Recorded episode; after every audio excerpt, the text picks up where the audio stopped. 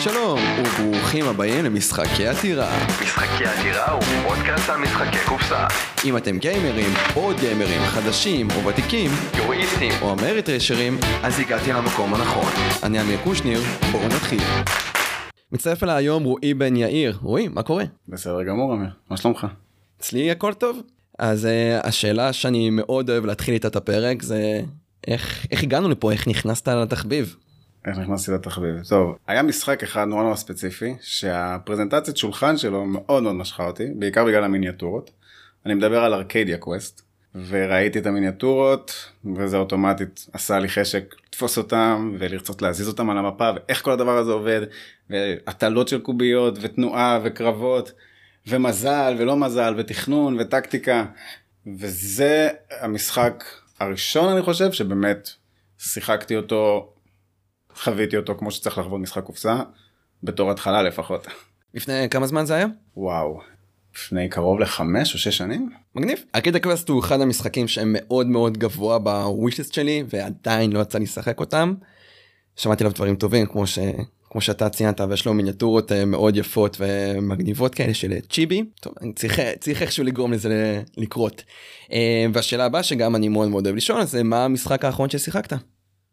אז המשחק האחרון ששיחקתי היה איתך אמיר אה, שהוא אה, קליוס או קיילוס? קיילוס כן. קיילוס שהוא משחק לא יודע אם הרבה יודעים אבל הוא למעשה משחק השמת העובדים הראשון שאתה גילית לי את זה אמיר.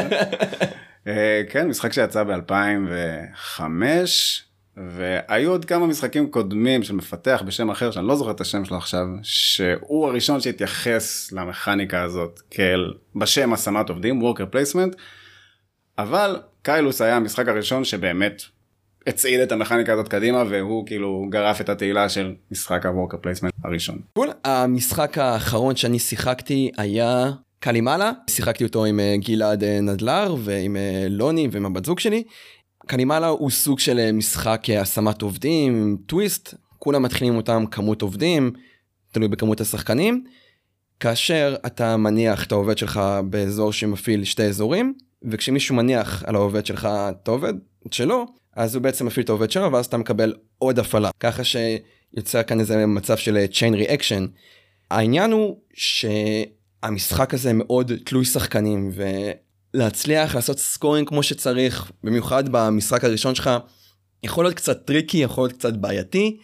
הוא משחק מאוד מיוחד הוא מאוד מאוד מגניב מה שהוא עושה שם עם השמת אה, עובדים לי הוא לא בדיוק יושב איפשהו אולי אני צריך לתת לו עוד צ'אנס. כרגע הוא הוא יושב אצלי כזה על try before you buy אפשר להגיד אבל הוא מאוד מיוחד. ומפה נעבור לנושא של הפרק שלנו אדפטציות של משחקי קופסה לדיגיטל. מה הכוונה? לצורך העניין האפליקציה של סטאר אלמס התחילה כמשחק קופסה רגיל לגמרי ויש לה היום אפליקציה גם משחק בסטים. אז אה, בוא בוא נדבר על זה מה למה בכלל דבר כזה מלכתחילה קורה למה צריך לעשות את האדפטציה הזאת. שאלה מעניינת כי כשאני חושב על זה ברגע שיוצא משחק לאוויר העולם ואנשים קונים ומשחקים אותו מה האינטרס באמת של יוצרי משחקים להוציא אותו גם בגרסה דיגיטלית כי כבר יש קהל. הרבה פעמים גם אני מוצא את עצמי משחקים שאני משחק אותם פיזית שיצא לשחק אותם פיזית אני גם משחק אותם דיגיטלית. אז ככה מחשבה ראשונה, תשובה ראשונה שעולה לי לראש זה הפצה. הרבה יותר מורכב, הרבה יותר קשה, זאת אומרת, הרבה, זו פעולה הרבה יותר לוגיסטית להפיץ משחק קופסה פיזי, מאשר להעלות אותו לאיזה אפסטור או סטים ולאפשר גישה לכאילו למיליונים של, של יוזרים.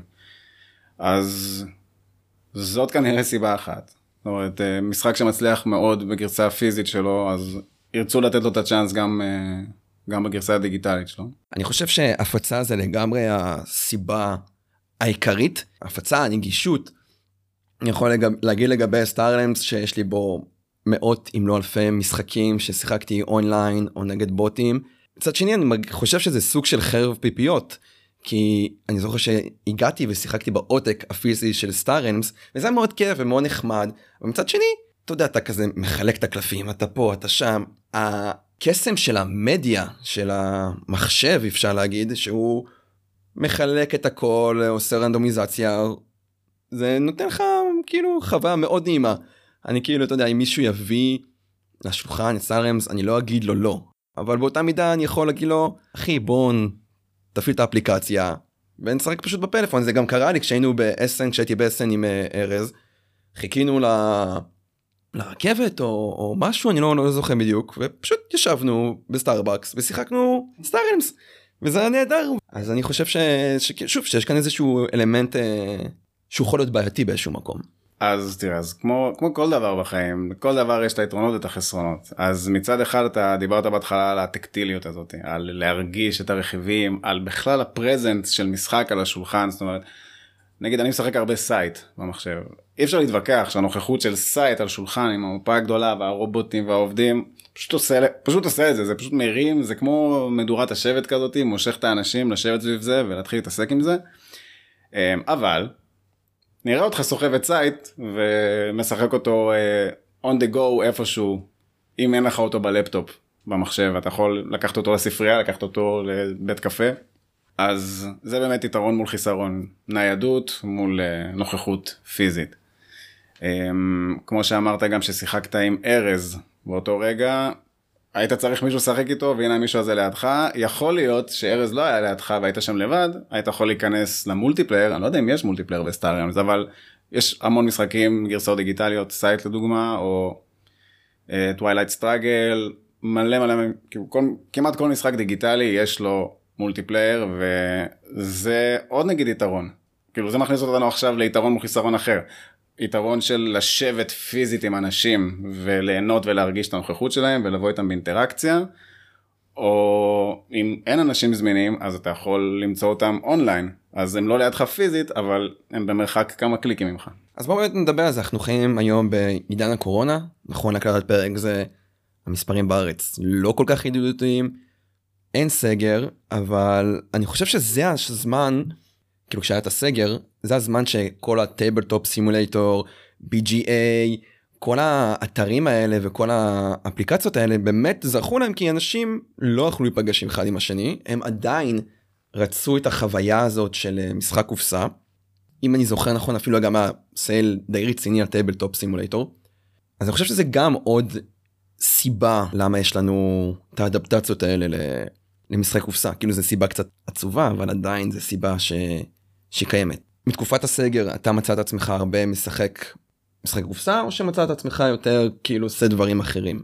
אז כן אין ספק שהסגר וההסתגרות הזאת בבתים אילצה אותי באופן אישי ואני מאמין שעוד הרבה קבוצות של שחקנים כן לחפש את האלטרנטיבות הדיגיטליות אם זה באמת כמו אם זה באמת Tabletop Simulator או כל פלטפורמה אחרת ובזמנים כאלה של להיפגש פיזית אי אפשר ממש אז אה, אפשר להגיד ברוך השם שיש גרסאות דיגיטליות לכל המשחקים שאנחנו אוהבים ולא צריך אה, להפסיק להפסיק לשחק אותם בגלל זה. זאת אומרת, המכשול האפשרות להתגבר על המכשול הפיזי היא פריבילגיה שהיא סבבה לגמרי. יש איזשהו משחק שאתה ממליץ עליו למעט Scythe שאתה אומר וואלה זה עשה לי את הסגר אני כיף לא יודע לעלות עם חברים לסקייפ ולשחק איתם את המשחק או סתם להיפגש עם אנשים רנדומליים ב auto match כזה.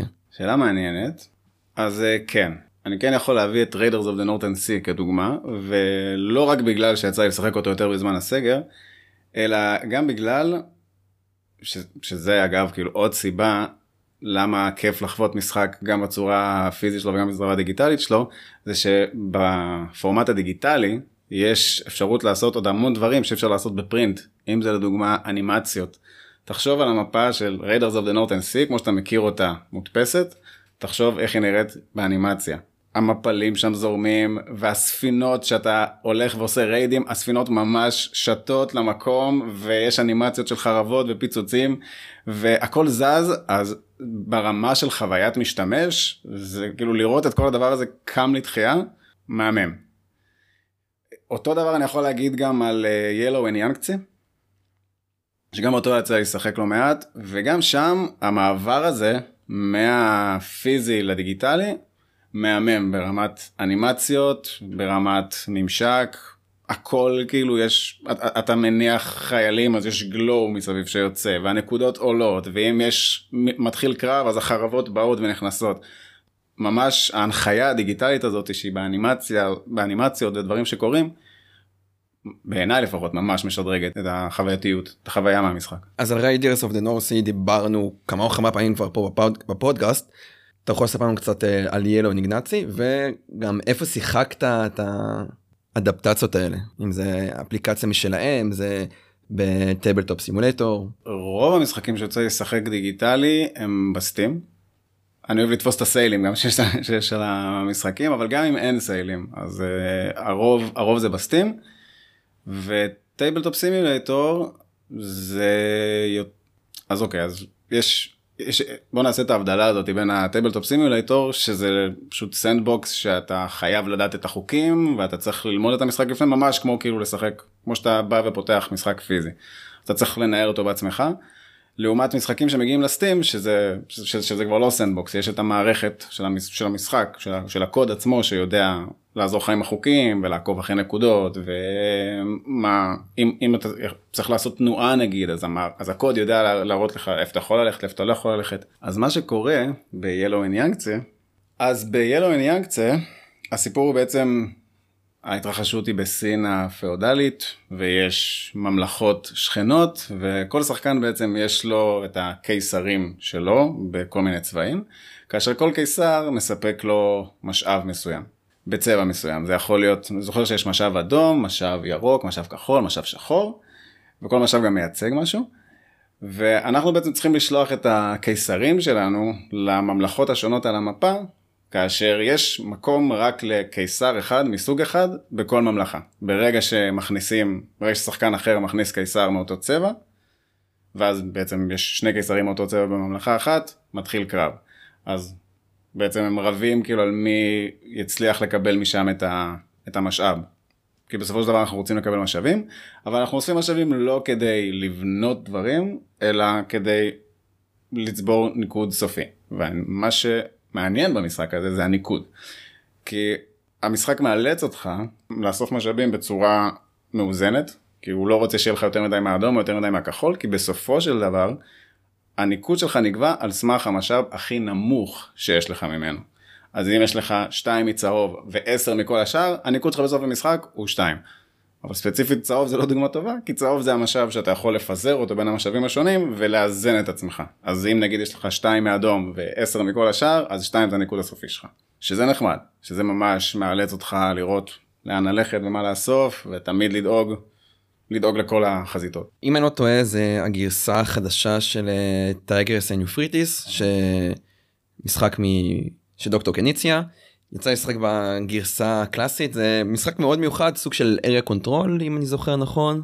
יצא גם לשחק בעותק הפיזי או רק בעותק הדיגיטלי? אז לא זה משחק שיצא לשחק רק בעותק הדיגיטלי שלו. אז אני חושב שיש כאן עוד איזה סוג של יתרון שאתה יכול ממש לעשות try before you buy לשלם לא יודע 2 עד 10 דולר לקנות את המשחק לחוות אותו ואז להגיד אוקיי זה נחמד לי זה כיף לי אולי עכשיו זה הזמן שאני אקנה את העותק הפיזי. ממש זו גם הייתה התלבטות שלי באסן האחרון כי יצא לי לשחק את אה, את ילו ניאנקצה לפני אסן של שנה שעברה וכשהגעתי לאסן ראיתי שאפשר לקנות שם ממש עותק והתלבטתי כי זה היה היה לו מחיר אני לא זוכר מה המחיר וזה היה כאילו או לקנות את זה או לקנות משחק אחר אבל בהמשך למה שאמרת אז הקטע הזה של לראות נגיד סקירה של תום וסל ביוטיוב או של כל יוטיובר אחר לראות איזושהי סקירה על משחק ואז מהסקירה הזאת ממש לרצות לשחק את המשחק הזה אז זה או שעכשיו אני הולך ל Miniature Market ומחפש לקנות אותו או שאני צריך להוציא את עצמי מהבית לחנות ולראות אם יש אותו במלאי או לחפש אותו יד שנייה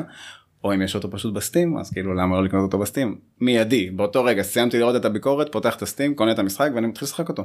ואפילו היה לי טוטוריאל בתוך המשחק שלמד אותי איך לשחק. סופר קול. בוא בוא באמת נדבר שנייה על האדפטציות למיניהם יש לנו הרי את אה, BGA שזה האתר בורד גיים ארינה שהוא פשוט לוקח את המשחק קופסה ממש אחד לאחד אפילו אותו גרפיקה אותו דבר זה אפילו זה שומר על ה... כאילו משחקים שהם יפים נשארים יפים ומשחקים שהם מכוערים אפילו עוד יותר מכוערים. אה, אני יכול להגיד שיצא לי לשחק אה, די הרבה ב Caylus ו Puerto Rico ו Seven Wonders ב-BGA. אז יש לנו את האופציה הזאת יש לנו את Steam אה, כמו שציינת שזה חברה כמו Stonemaier שבה הרימה את הכפפה ופיתחה משחק מא' ועד ת' ויש לנו את האופציה האחרונה של Tabletop Simulator או נראה לי גם יש עוד איזה Tabletopia. Tabletopia שהם כאילו sandbox. אני כאמיר בא כותב איזשהו סקריפט או לא יודע מה ואני מזמין חברים שלי ואנחנו יכולים לשחק עכשיו באיזשהו משחק שאני רוצה. מה לדעתך היתרונות והחסרונות של כל אחד מהאופציות האלה? כאילו מה אתה ממליץ עכשיו למישהו לא יודע קורא עכשיו אני מקווה שלא יקרה סגר 2 או סתם אנשים שיש להם זמן להרוג מה אתה יכול לחוות על אותם פלטפורמות. אז זה מאוד תלוי כי לכל פלטפורמה יש את הסוג של האופי שלה. BGA נגיד זה המקום אני חושב למצוא משחקים יותר קלאסיים יותר אה, ישנים אם לומר וגם לשחק עם אנשים מכל העולם. בטבלטופיה למשל שזה קצת כמו טבלטופ סימולטור רק שזה פשוט בדפדפן אז הרבה משחקים אני חושב שאפשר להגיד את זה גם על Tabletopia וגם על Tabletop Simulator שהרבה משחקים שהם נמצאים ממש עכשיו בקיקסטארטר אתה יודע הלחמניות הטריות של עולם משחקי הקופסה אפשר ממש כאילו זה חלק מהקמפיין שאומרים לך בקמ- בקמפיין קיקסטארטר לך עכשיו ל Tabletopia או לך עכשיו ל Tabletop Simulator ותנסה את המשחק שלנו ואם סבבה לך אז תתמוך. זה מה שקורה יותר ב Tabletopia ו Tabletop Simulator ובלי קשר כמובן כל הזמן בשוטף מעלים משחקים לא, לאו דווקא חדשים גם אה, גם ב Tabletop וגם Tabletop Simulator ו Steam זה שם ל- לרוב מה שקורה שם זה שהמשחק קודם כל צריך להוכיח את עצמו בשטח לפני שהוא מקבל אה, גרסה גרסה דיגיטלית שעולה ל Steam. אז זה הכל אה, שאלה של מה מה אנחנו מחפשים באותו רגע אם אני רוצה לשחק משחק שכבר שיחקתי כנראה ועכשיו בא לי את הגרסה הדיגיטלית שלו סביר להניח שאני אמצא אותו ב Steam עם קוד ומערכת חוקים והכל. ואם אני עכשיו רוצה להתנסות במשהו חדש או עם משהו שראיתי בקיקסטארטר אז כנראה שאני אלך Tabletopia או Tabletop Simulator ואחפש אותו שם. וצריך גם לשבת וללמוד את החוקים.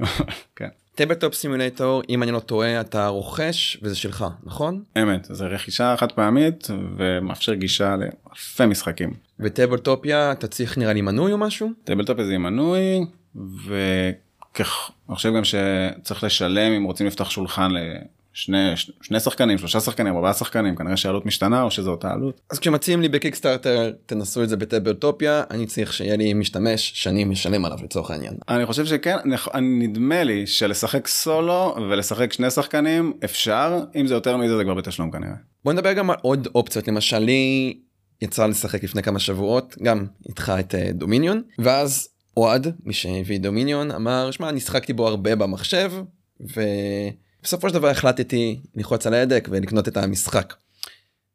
מה שגרם לי להתחיל לשחק הרבה באינטרנט דומיניון שזה נפלא בעיניי וזה אתה יודע זה מאוד כיף אתה לוחץ עולה לך יש לך את דומיניון ונילה ואם אתה רוצה לנסות את ההרחבות יש לך כזה אה, מנוי חודשי של דולר 2 ואם אתה רוצה את כל ההרחבות אתה משלם 4 דולר או משהו כזה.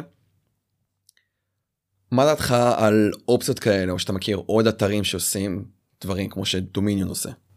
טוב אז כאילו. אז דעתי חיובית על כך. מה אתה חושב אמיר? כן לא אה, אין ספק שזה מבורך. ואני בטוח שאוהד כנראה מאוד אוהב את המשחק וכל פעם שהוא רוצה לשחק אותו הוא לא צריך עכשיו להביא אנשים אלא פשוט פותח אותו במחשב ומשחק אותו אז כאילו זה, מבורך בעיניי זה נהדר. אני יודע שיש אה, אתר שהוא כאילו סוג של גרסה לא רשמית ל Coup Coup הפיכה. איזה עוד אתר עושה את זה? אה יש גם יש גם את Apples to Apples שאפשר לשחק אותו אה, אונליין כזה אני לא יודע אם בדיוק Apples to Apples או Cards Against Humanity אבל זה כזה על אותו רעיון. אז יש עוד פלטפורמה שלא דיברנו עליה עדיין שנקראת Vassal שלפי דעתי זה סוג של מה שהיה הרבה לפני Tabletop Simulator כי זה גם פלטפורמה שמאפשרת בעצם ליוזרים לפתח סוג של מודים בעצם למשחקי קופסה מוכרים. אפשר לשחק שם מלא משחקים של GMT Games בעיקר כאילו משחקים ישנים משחקים חדשים פחות אפשר למצוא שם. שזה בעצם פלטפורמת סוג של פלטפורמת Java כזאתי שאפשר לטעון לתוכה איזשהו מוד יש ספרייה של מודים אונליין באתר של Vassal וממש לשחק. ומה שיפה ב Vassal זה שזה מין הכלאה כזאת בין גרסה רשמית של משחק עם קוד ומערכת חוקים שיודעת להתנהל לבין Tabletop Simulator. כי יש חלק מהמודים שמגיעים כאילו scripted כאלה שיש את זה גם ב Tabletop Simulator שתומכים את החוקים של המשחק והם יודעים כאילו מה אתה יכול לעשות ומה אתה לא יכול לעשות ואיך לזוז וכאלה. אז דיברת על המערכת הזאת שהיא בעיקר יש במשחקים של GMT. ציינת גם בתחילת הפרק את Twilight Struggle, Twilight Struggle גם מופיע שם. כן. כן. ויצא לך לשחק ב Twilight Struggle החדש לצורך העניין ב Steam וגם בגרסה הזאת ב Vassal. אה, לא את Twilight Struggle יצא לשחק רק ב Steam. Vassal יצא לשחק משחקים אחרים של אה, של GMT אם זה Cuba Libre. אוקיי. איך באמת Twilight Struggle אני זוכר שנראה לי שדיברתי על זה עם אה, עם ארז שיש לו חבר שמאוד אוהב את Twilight Struggle. הוא חרש על זה במחשב ואז הם נפגשו לשחק Twilight Struggle והוא שבר את ארז. ברור. א- איך האיטרציה הזאת עובדת כאילו בהשוואה למשחק קופסה אם אתה מבין את השאלה. היא עובדת בצורה כמו שציינת ב- Raiders of the North Sea שיש את הגרפיקה המאוד נעימה והמאוד מגניבה או שהמשחק קופסה עושה עושה עבודה יותר טובה מהאימפלמנטציה הזאת. אני לא יודע אם אני יכול לענות על השאלה הזאת כי לא שיחקתי פיזית את Twilight Struggle אף פעם שיחקתי אותו רק במחשב. והסיבה גם שהתחלתי לשחק אותו זה שנורא משך אותי גם המכניקות וגם הסיפור וגם הגודל של המפה אגב כאילו מאמר מאמר ביניים הערת ביניים כזאת אם יש מפה של אירופה במשחק I'm in. כאילו. אז אה, יצא לשחק את Twilight Struggle רק במחשב אני מאמין אני לא יודע כאילו אני יכול רק לנחש איך זה לעומת לשחק אותו פיזית. כנראה שאתה פחות צריך להתעסק בערבוב של הקלפים או בלספור כמה השפעה יש לך בכל מקום כי במחשב זה פשוט רשום לך במספר גדול ואתה יודע בדיוק כמה השפעה יש לי באירופה וכמה השפעה יש לי בסין. ו... אז אתה אומר שזה עושה סדר בכל החלקים הנעים שיש במשחק אתה הכל מוצג בפניך בצורה ויזואלית נוחה ונעימה ואתה לא כזה רגע שכחתי את החזית הזאת שכחתי את החזית הזאת. כן. גם תחשוב על איך אתה מחזיק קלפים נגיד בתור שחקן אתה ממש כאילו מחזיק אותם בצורה של מניפה ואתה כנראה תצטרך להעביר קלף קלף כדי לראות מה יש לך ביד. וב Twilight Struggle וכאילו גם בטח בעוד כל מיני משחקים אחרים שהם דיגיטליים.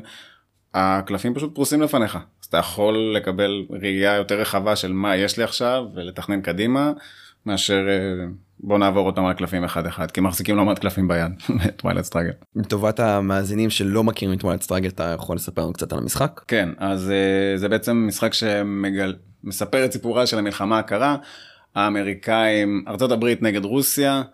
והקלפים שם כל סיפור בעצם שזה אגב גם היופי במשחקים של GMT הם מאוד drill down להיסטוריה ולפרטים הכי קטנים של כל של כל קרב הם חזקים שם וממש יודעים לפרוט את הסיפור השלם של המלחמה לקלפים אז כל קלף יש עליו גם איזושהי התרחשות מהמלחמה עצמה וגם יש עליו אירוע ונקודות נקרא לזה action points.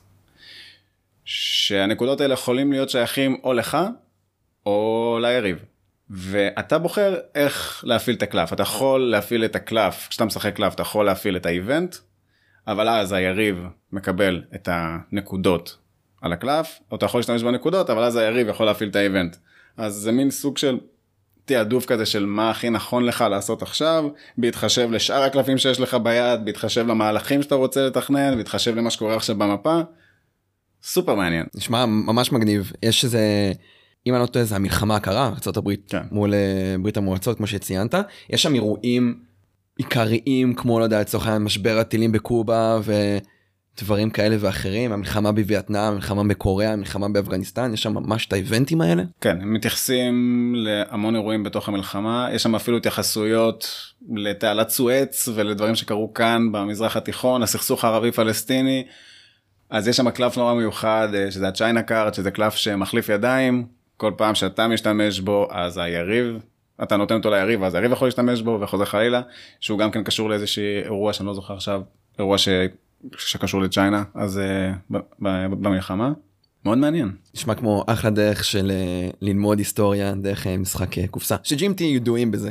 מה שמוביל אותי שוב לשאלה הקלאסית שלי שדיברנו עליה קצת במשחקי סולו למה אנשים משחקים סולו ולא פשוט משחקים במחשב אז למה אתה משחק משחקי קופסה במקום לשחק במחשב כאילו אני זוכר שכשהיה את הסגר חברים שלי אמרו לי בוא תשחק איתנו ב-BGA בוא כאן בוא שם אמרתי להם חבר'ה אני משחק משחק קופסה עם הבת זוג שלי, אני לא צריך משחק קופסה עכשיו אני יכול בזמן הפנוי לשחק משחקי מחשב.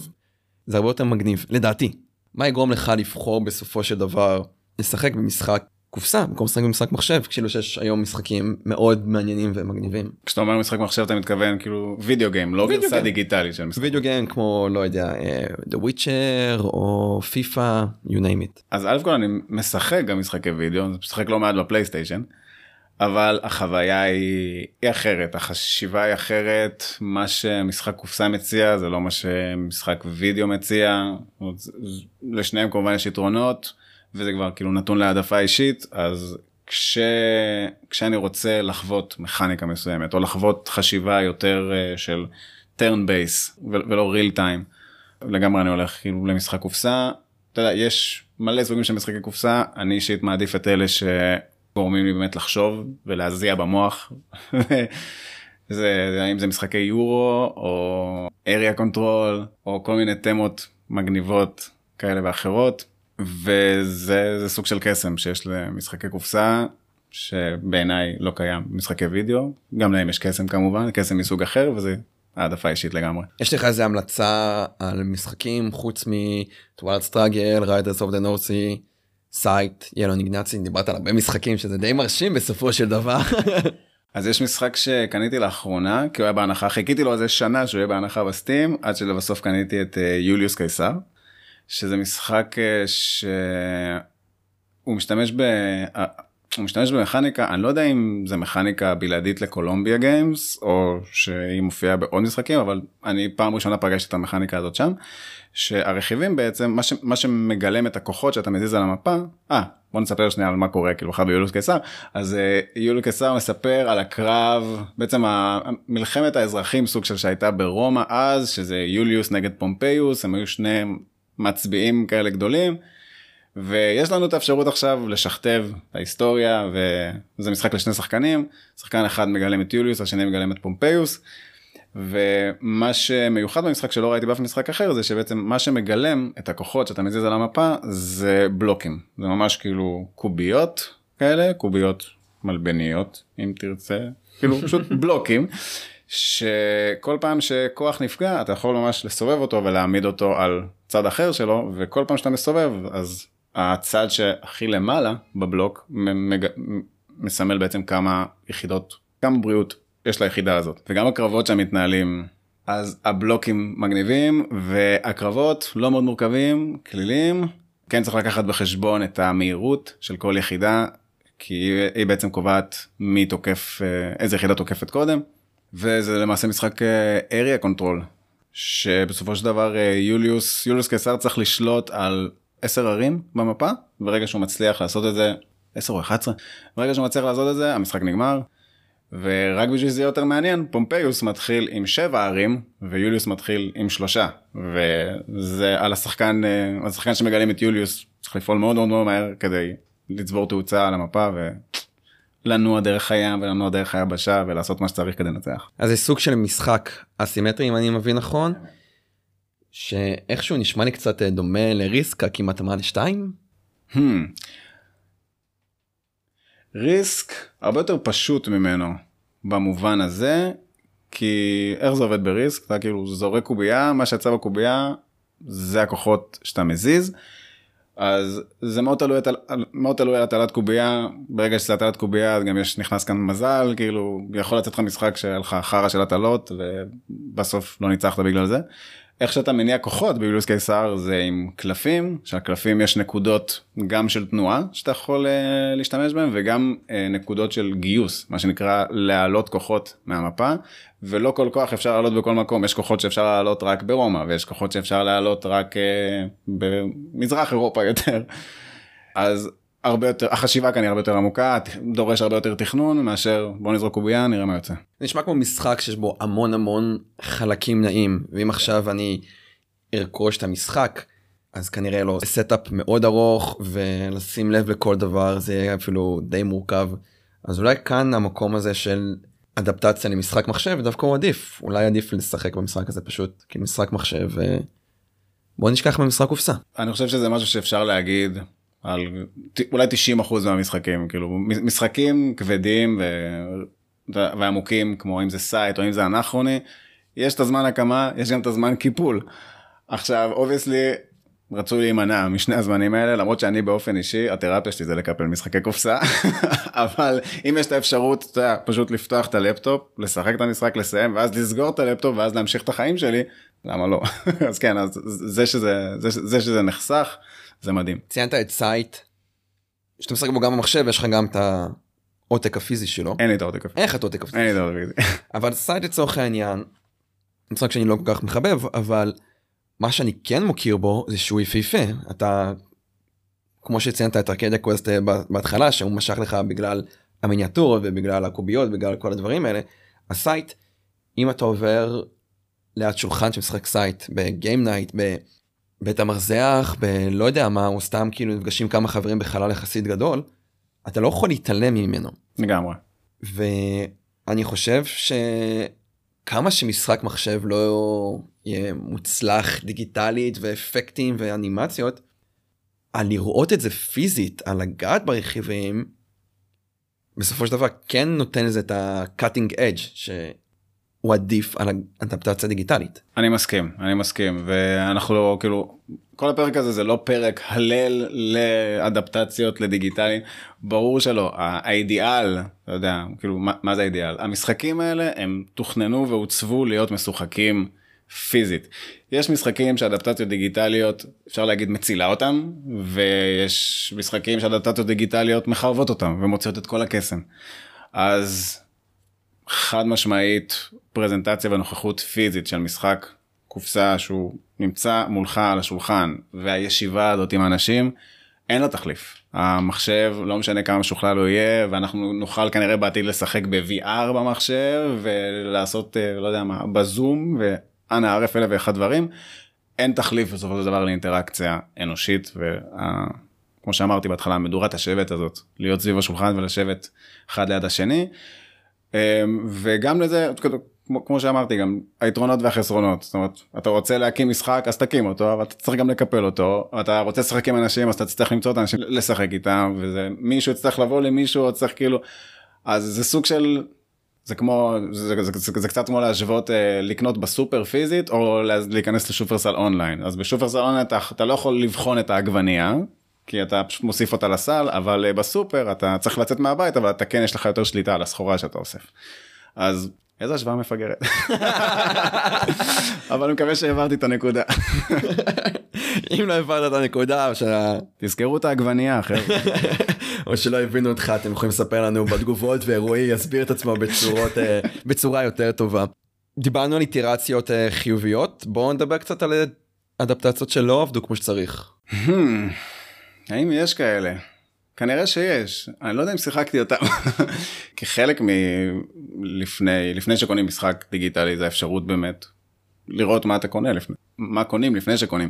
אפשר לראות את זה גם כמובן אה, במשחקים אה, פיזיים שקונים, לא חסרים אה, יוטיוברים וסקירות, אבל האם יש, האם עולה לי עכשיו לראש אדפטציה שלילית? אני חושב שאולי קופ. יכול להיות שעכשיו יש כאלה שלא יסכימו איתי, אבל אני מכיר את קופ בגרסה, בגרסה של האייפד שלו, ו... אתה יודע, עשו שם, יש שם כאילו גרפיקות והלכו שם ממשק כאילו מאוד קונספטואלי וזה נראה ממש אחר כאילו מה, מהמשחק אה, עצמו, מהמשחק, אה, מהמשחק קופסה המקורי. אבל עדיין יש משהו הרבה יותר כיפי בלשקר לבן אדם מול הפנים ולא טוב נו בוא אני אבחר עכשיו את זה ואעשה את זה. משהו שם כאילו באמת אה, לא, לא, לא יתרגם טוב מהמציאות. לה... אז Coup למי שלא מכיר. זה משחק bluffing בגדול שיש שם כמה תפקידים, יש קלפים ויש כמה תפקידים במשחק, שהתפקידים האלה נמצאים, מופיעים על הקלפים, יש את הרוצח ויש, זה קצת, אם חושבים על זה זה קצת כמו אבן נייר או מספריים, כזה שיש את הקונטסה שיכולה לחסום את הרוצח, ויש את הגנב ויש את הקפטן וכל אחד יכול לעשות משהו אחר, והרעיון בקופ זה שאתה לא, אתה רק אומר מה אתה עושה אבל אתה לא חייב להראות שום דבר אז אתה יכול להגיד אני עכשיו אה, אמיר מכוון עליך עם הרוצח ואני מתכוון להרוג אותך. עכשיו אם אתה אמיר האמנת לי אז אה, אז רצחת אותי אז רצחתי אותך אבל אתה תמיד יכול לעשות לי challenge ו-to call bullshit או ש bullshit יצונזר. לא bullshit זה לא bullshit. ואז אה, כנראה שאני אכלתי אותה אם אני משקר או דובר אמת זה קצת כמו Sheriff of Nottingham במובן הזה זאת אומרת לשחקנים יש את האפשרות לשקר אם תופסים אותם בשקר הם אכלו אותה אם הצליחו לעבוד על הפתי אז כל הכבוד להם. הוא זה משחק שאני די גרוע בו, אני גרוע בלשקר, אולי דווקא האדפטציה הדיגיטלית תעזור לי, כי אני תמיד מעדיף אה, להגיד את האמת, אז שם אני אוכל באמת לשקר. אני רוצה דווקא לגעת במשהו שלא ציינתי מתחילת הפרק, אתה איש UI UX, אתה אפילו גם מתעסק קצת אה, ב product. האם כשאתה משחק באותן אדפטציות, אתה מסתכל על מה שקורה שם, על הממשק, האם אתה, בתור איש מקצוע בסופו של דבר, בוחן את המשחק מנקודת מבט מקצועית? כן חד משמעית כן זה משהו ש... זה משהו שאני לא יכול להתעלם ממנו זאת אומרת אני תמיד תמיד אראה את זה ותמיד ארצה להביע על זה דעה באופן בלתי מודע אפילו. עכשיו מרגיש לי שדיברנו המון על Scythe אבל דווקא אני אביא אותו כדוגמה ממש טובה ל... הפעם הראשונה ששיחקתי את Scythe הרגשתי וואו כל כך הרבה מידע וכמה דרכים אה, לצבור נקודות ויש, ויש אני צריך לעקוב אחרי משאבים צריך לעקוב אחרי כמה עובדים יש לי ואני צריך לראות גם מה יש לאחרים. וכשאתה משחק משחק פיזי אז אתה פשוט יכול להסתכל להסתכל על הבן אדם ולראות מה יש לידו ולדעת כמה עובדים יש לו וכמה משאבים יש לו ואיך עכשיו לוקחים את כל כמויות המידע הזאת ומתרגמים אותם לממשק שמופיע על מסך אז uh, מי שמשחק הרבה ב Scythe במחשב כן בטח מסתכל על כל התפריטים ואיך הכל מתקפל ואם אתה רוצה לראות כמה משאבים יש לך אז זה מופיע לך למעלה למעלה במסך ואם אתה רוצה לראות כמה יש לאחרים אז יש לך את ה drop down כזה חץ drop down כזה שנפתח ואז אתה יכול לראות את התמונה המלאה.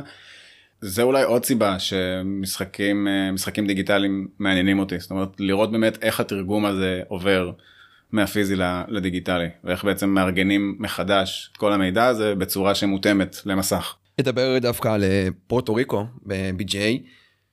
פורטו ריקו זה משחק שאתה חייב לשים לב מה קורה אצל השחקנים האחרים כי אם לצורך העניין אתה לוקח את הקפטן יכול להיות שעכשיו דפקת איזשהו שחקן ומנעת ממנו נקודות. אם לקחת את הטריידר אז שוב מנעת משחקנים אחרים אה, לקחת כסף. לי כשאני שחקתי פורטו ריקו ב-BGA הממשק שם הוא לא נוח כי אתה רואה את העיר שלך למעלה והערים של השחקנים האחרים נמצאות איפשהו יותר למטה זה משחק הרי BJ זה בדפדפן ואז אתה צריך לגלול ולהסתכל על העיר שלהם ולראות את המשאבים שלהם. ובסופו של דבר כשאני משחק פורטו ריקו אני משחק אותו יורו לגמרי ולא פורטו ריקו קלאסי שאתה חייב לדעת מה קורה אצל השחקנים האחרים. הייתי כאילו אוקיי אני צריך את זה אז אני אבחר את זה אני צריך את זה אז אני אבחר את זה. אז אני חושב שהאדפטציה הזאת לא עובדת טוב כי אני לא יכול לבחון את האחרים. כמו שאתה ציינת בסייט שאתה יכול בקלות בנעימות לראות מה קורה אצל השחקנים האחרים. חד משמעית. כאילו משחק ברגע שהוא עובר ברגע שהוא משנה מדיום אז אם זו מדיה דיגיטלית אז הסיפור הזה של חוויית משתמש נכנס והוא נכנס big time וכמו שאתה אומר אם ממשק הוא לא יוזבילי אי אפשר להשתמש בו אז זה פוגם פוגם בחוויה אז כאילו המשחק הוא לא שחיק אתה יודע לשחק את המשחק אבל אתה מרגיש שאתה צריך להתאמץ בשביל לבצע פעולות בסיסיות אז לא חשבו עליך ה user כשתכננו את המשחק הזה. כן זה לא את המשחק את הגרסה הדיגיטלית שלו כמובן. כן זה, זה אחת הסיבות שהפסקתי לשחק Puerto Rico ובעיקר ב-BJ הייתי משחק משחקים קלים כי פשוט כיף לשחק אותם צ'יק צ'אק משחק בעיקר ג'ייפור ו-7 וונדרס כי אי אפשר יותר מדי אה, לחרבש את זה וזה גם שומר על הסוג של נראות של המשחק המקורי. טוב אז אה, זה מביא אותנו לסוף הפרק וכמובן לשאלות אה, הבזק שלנו אז בואו נתחיל. יורו או אמריטרש? יורו. כשאתה מגיע ל game night אתה רוצה לדעת מה משחקים או תפתיע אותי? לפעמים ככה לפעמים ככה אבל אני אלך על תפתיע אותי. תפתיע אותי. משחקים של עד שעה וחצי או משחקים יותר ארוכים? יותר ארוכים. יותר ארוכים. מיניאטורות האם זה רכיב הכרחי במשחקים או שזה סתם בשביל ה show off? Hmm, אתה רוצה תשובה מהירה על זה או תשובה. עמוקה על זה? speed. התשובה היא לא חד משמעית אבל אני יש משחקים שזה לא הכרחי אבל אני אגיד שזה הכרחי. אחלה זה מה שמביא אותנו לסוף אה, הפרק דברי סיכום דברי סיכום. איזה כיף היה להיות פה. וואי באמת היה כיף. כן זה פודקאסט ראשון שאני כאילו מתראיין אליו אז אה, זה כיף זה כיף אה, כיף לעשות דבר כזה. ושמחתי להיות פה ממש. אז תודה שהצטרפת אליי לפרק של משחקי עתירה אני סופר מעריך את הזמן ואת הידע ואת ההקדשה שלך. אני יודע שיש לך איזשהו אתר שאתה מוכר כל מיני מוצרים שהם related למשחקי קופסה. כן אז אה, אם אנחנו מדברים על אה, digital אז uh, לקחתי את האהבה שלי למשחקי קופסה ואת זה שאני גם מעצב ועוד פעם אנחנו מזכירים את Scythe אז, הצבתי הצבתי למעשה את הלוגוים של Scythe את סליחה את הלוגוים של הפקשנים של Scythe מחדש והעליתי אותם לחנות שלי ברד באבל שזה חנות שמוכרת טישרטים בהזמנה אז. Uh, השם שלי השם של החנות ברד באבל הוא מיפל ורז'ן אז השם שלי באתר אה, הוא מיפל ורז'ן ומוזמנים להיכנס ולהתרשם. מדהים, אני אוסיף את הקישור לחנות של רועי בתגובות. לכם המאזינים, תודה רבה שהצטרפתם אלינו לעוד פרק של משחקי עתירה. אני שוב חייב אה, להיות אסיר תודה. אני רואה את המספרים עולים, כל פרק הוא יותר ויותר אנשים מאזינים. אני מודה לכם שאתם משתפים את זה עם אנשים אחרים. הקהילה שלנו גדולה, אני מודה על התגובות שלכם לפרקים, זה באמת מפרה אותי וגורם אה, להרגשת אה, קהילה ומשפחתיות. ספרו לנו בתגובות איזה אדפטציות למשחקי קופסה אתם חושבים שהם טובים או פחות טובים. האם אתם מסכימים עם דברים שרועי אומר? איזה משחקים הייתם רוצים שיעשו להם אדפטציה? והכי חשוב, שתמשיכו לשחק. אנחנו סיימנו.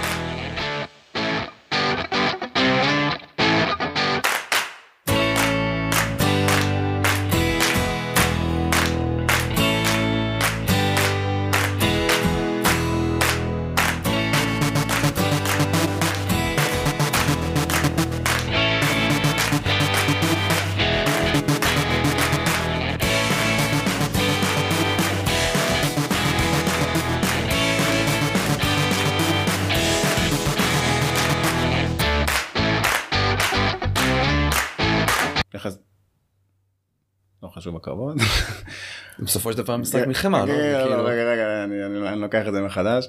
הכל טוב. כי הקרבות לא כאלה מעניינים. זה- נשמע משחק. זה- זה- זה- זה הטלות קובייה בסופו של דבר אבל רגע אני כאילו- אז אני אז אני כן אגיד שכאילו המכניקה מעניינת. אז הרכיבים האלה הם סופר מגניבים הבלוקים האלה זה ממש אפשר לייצר. רגע.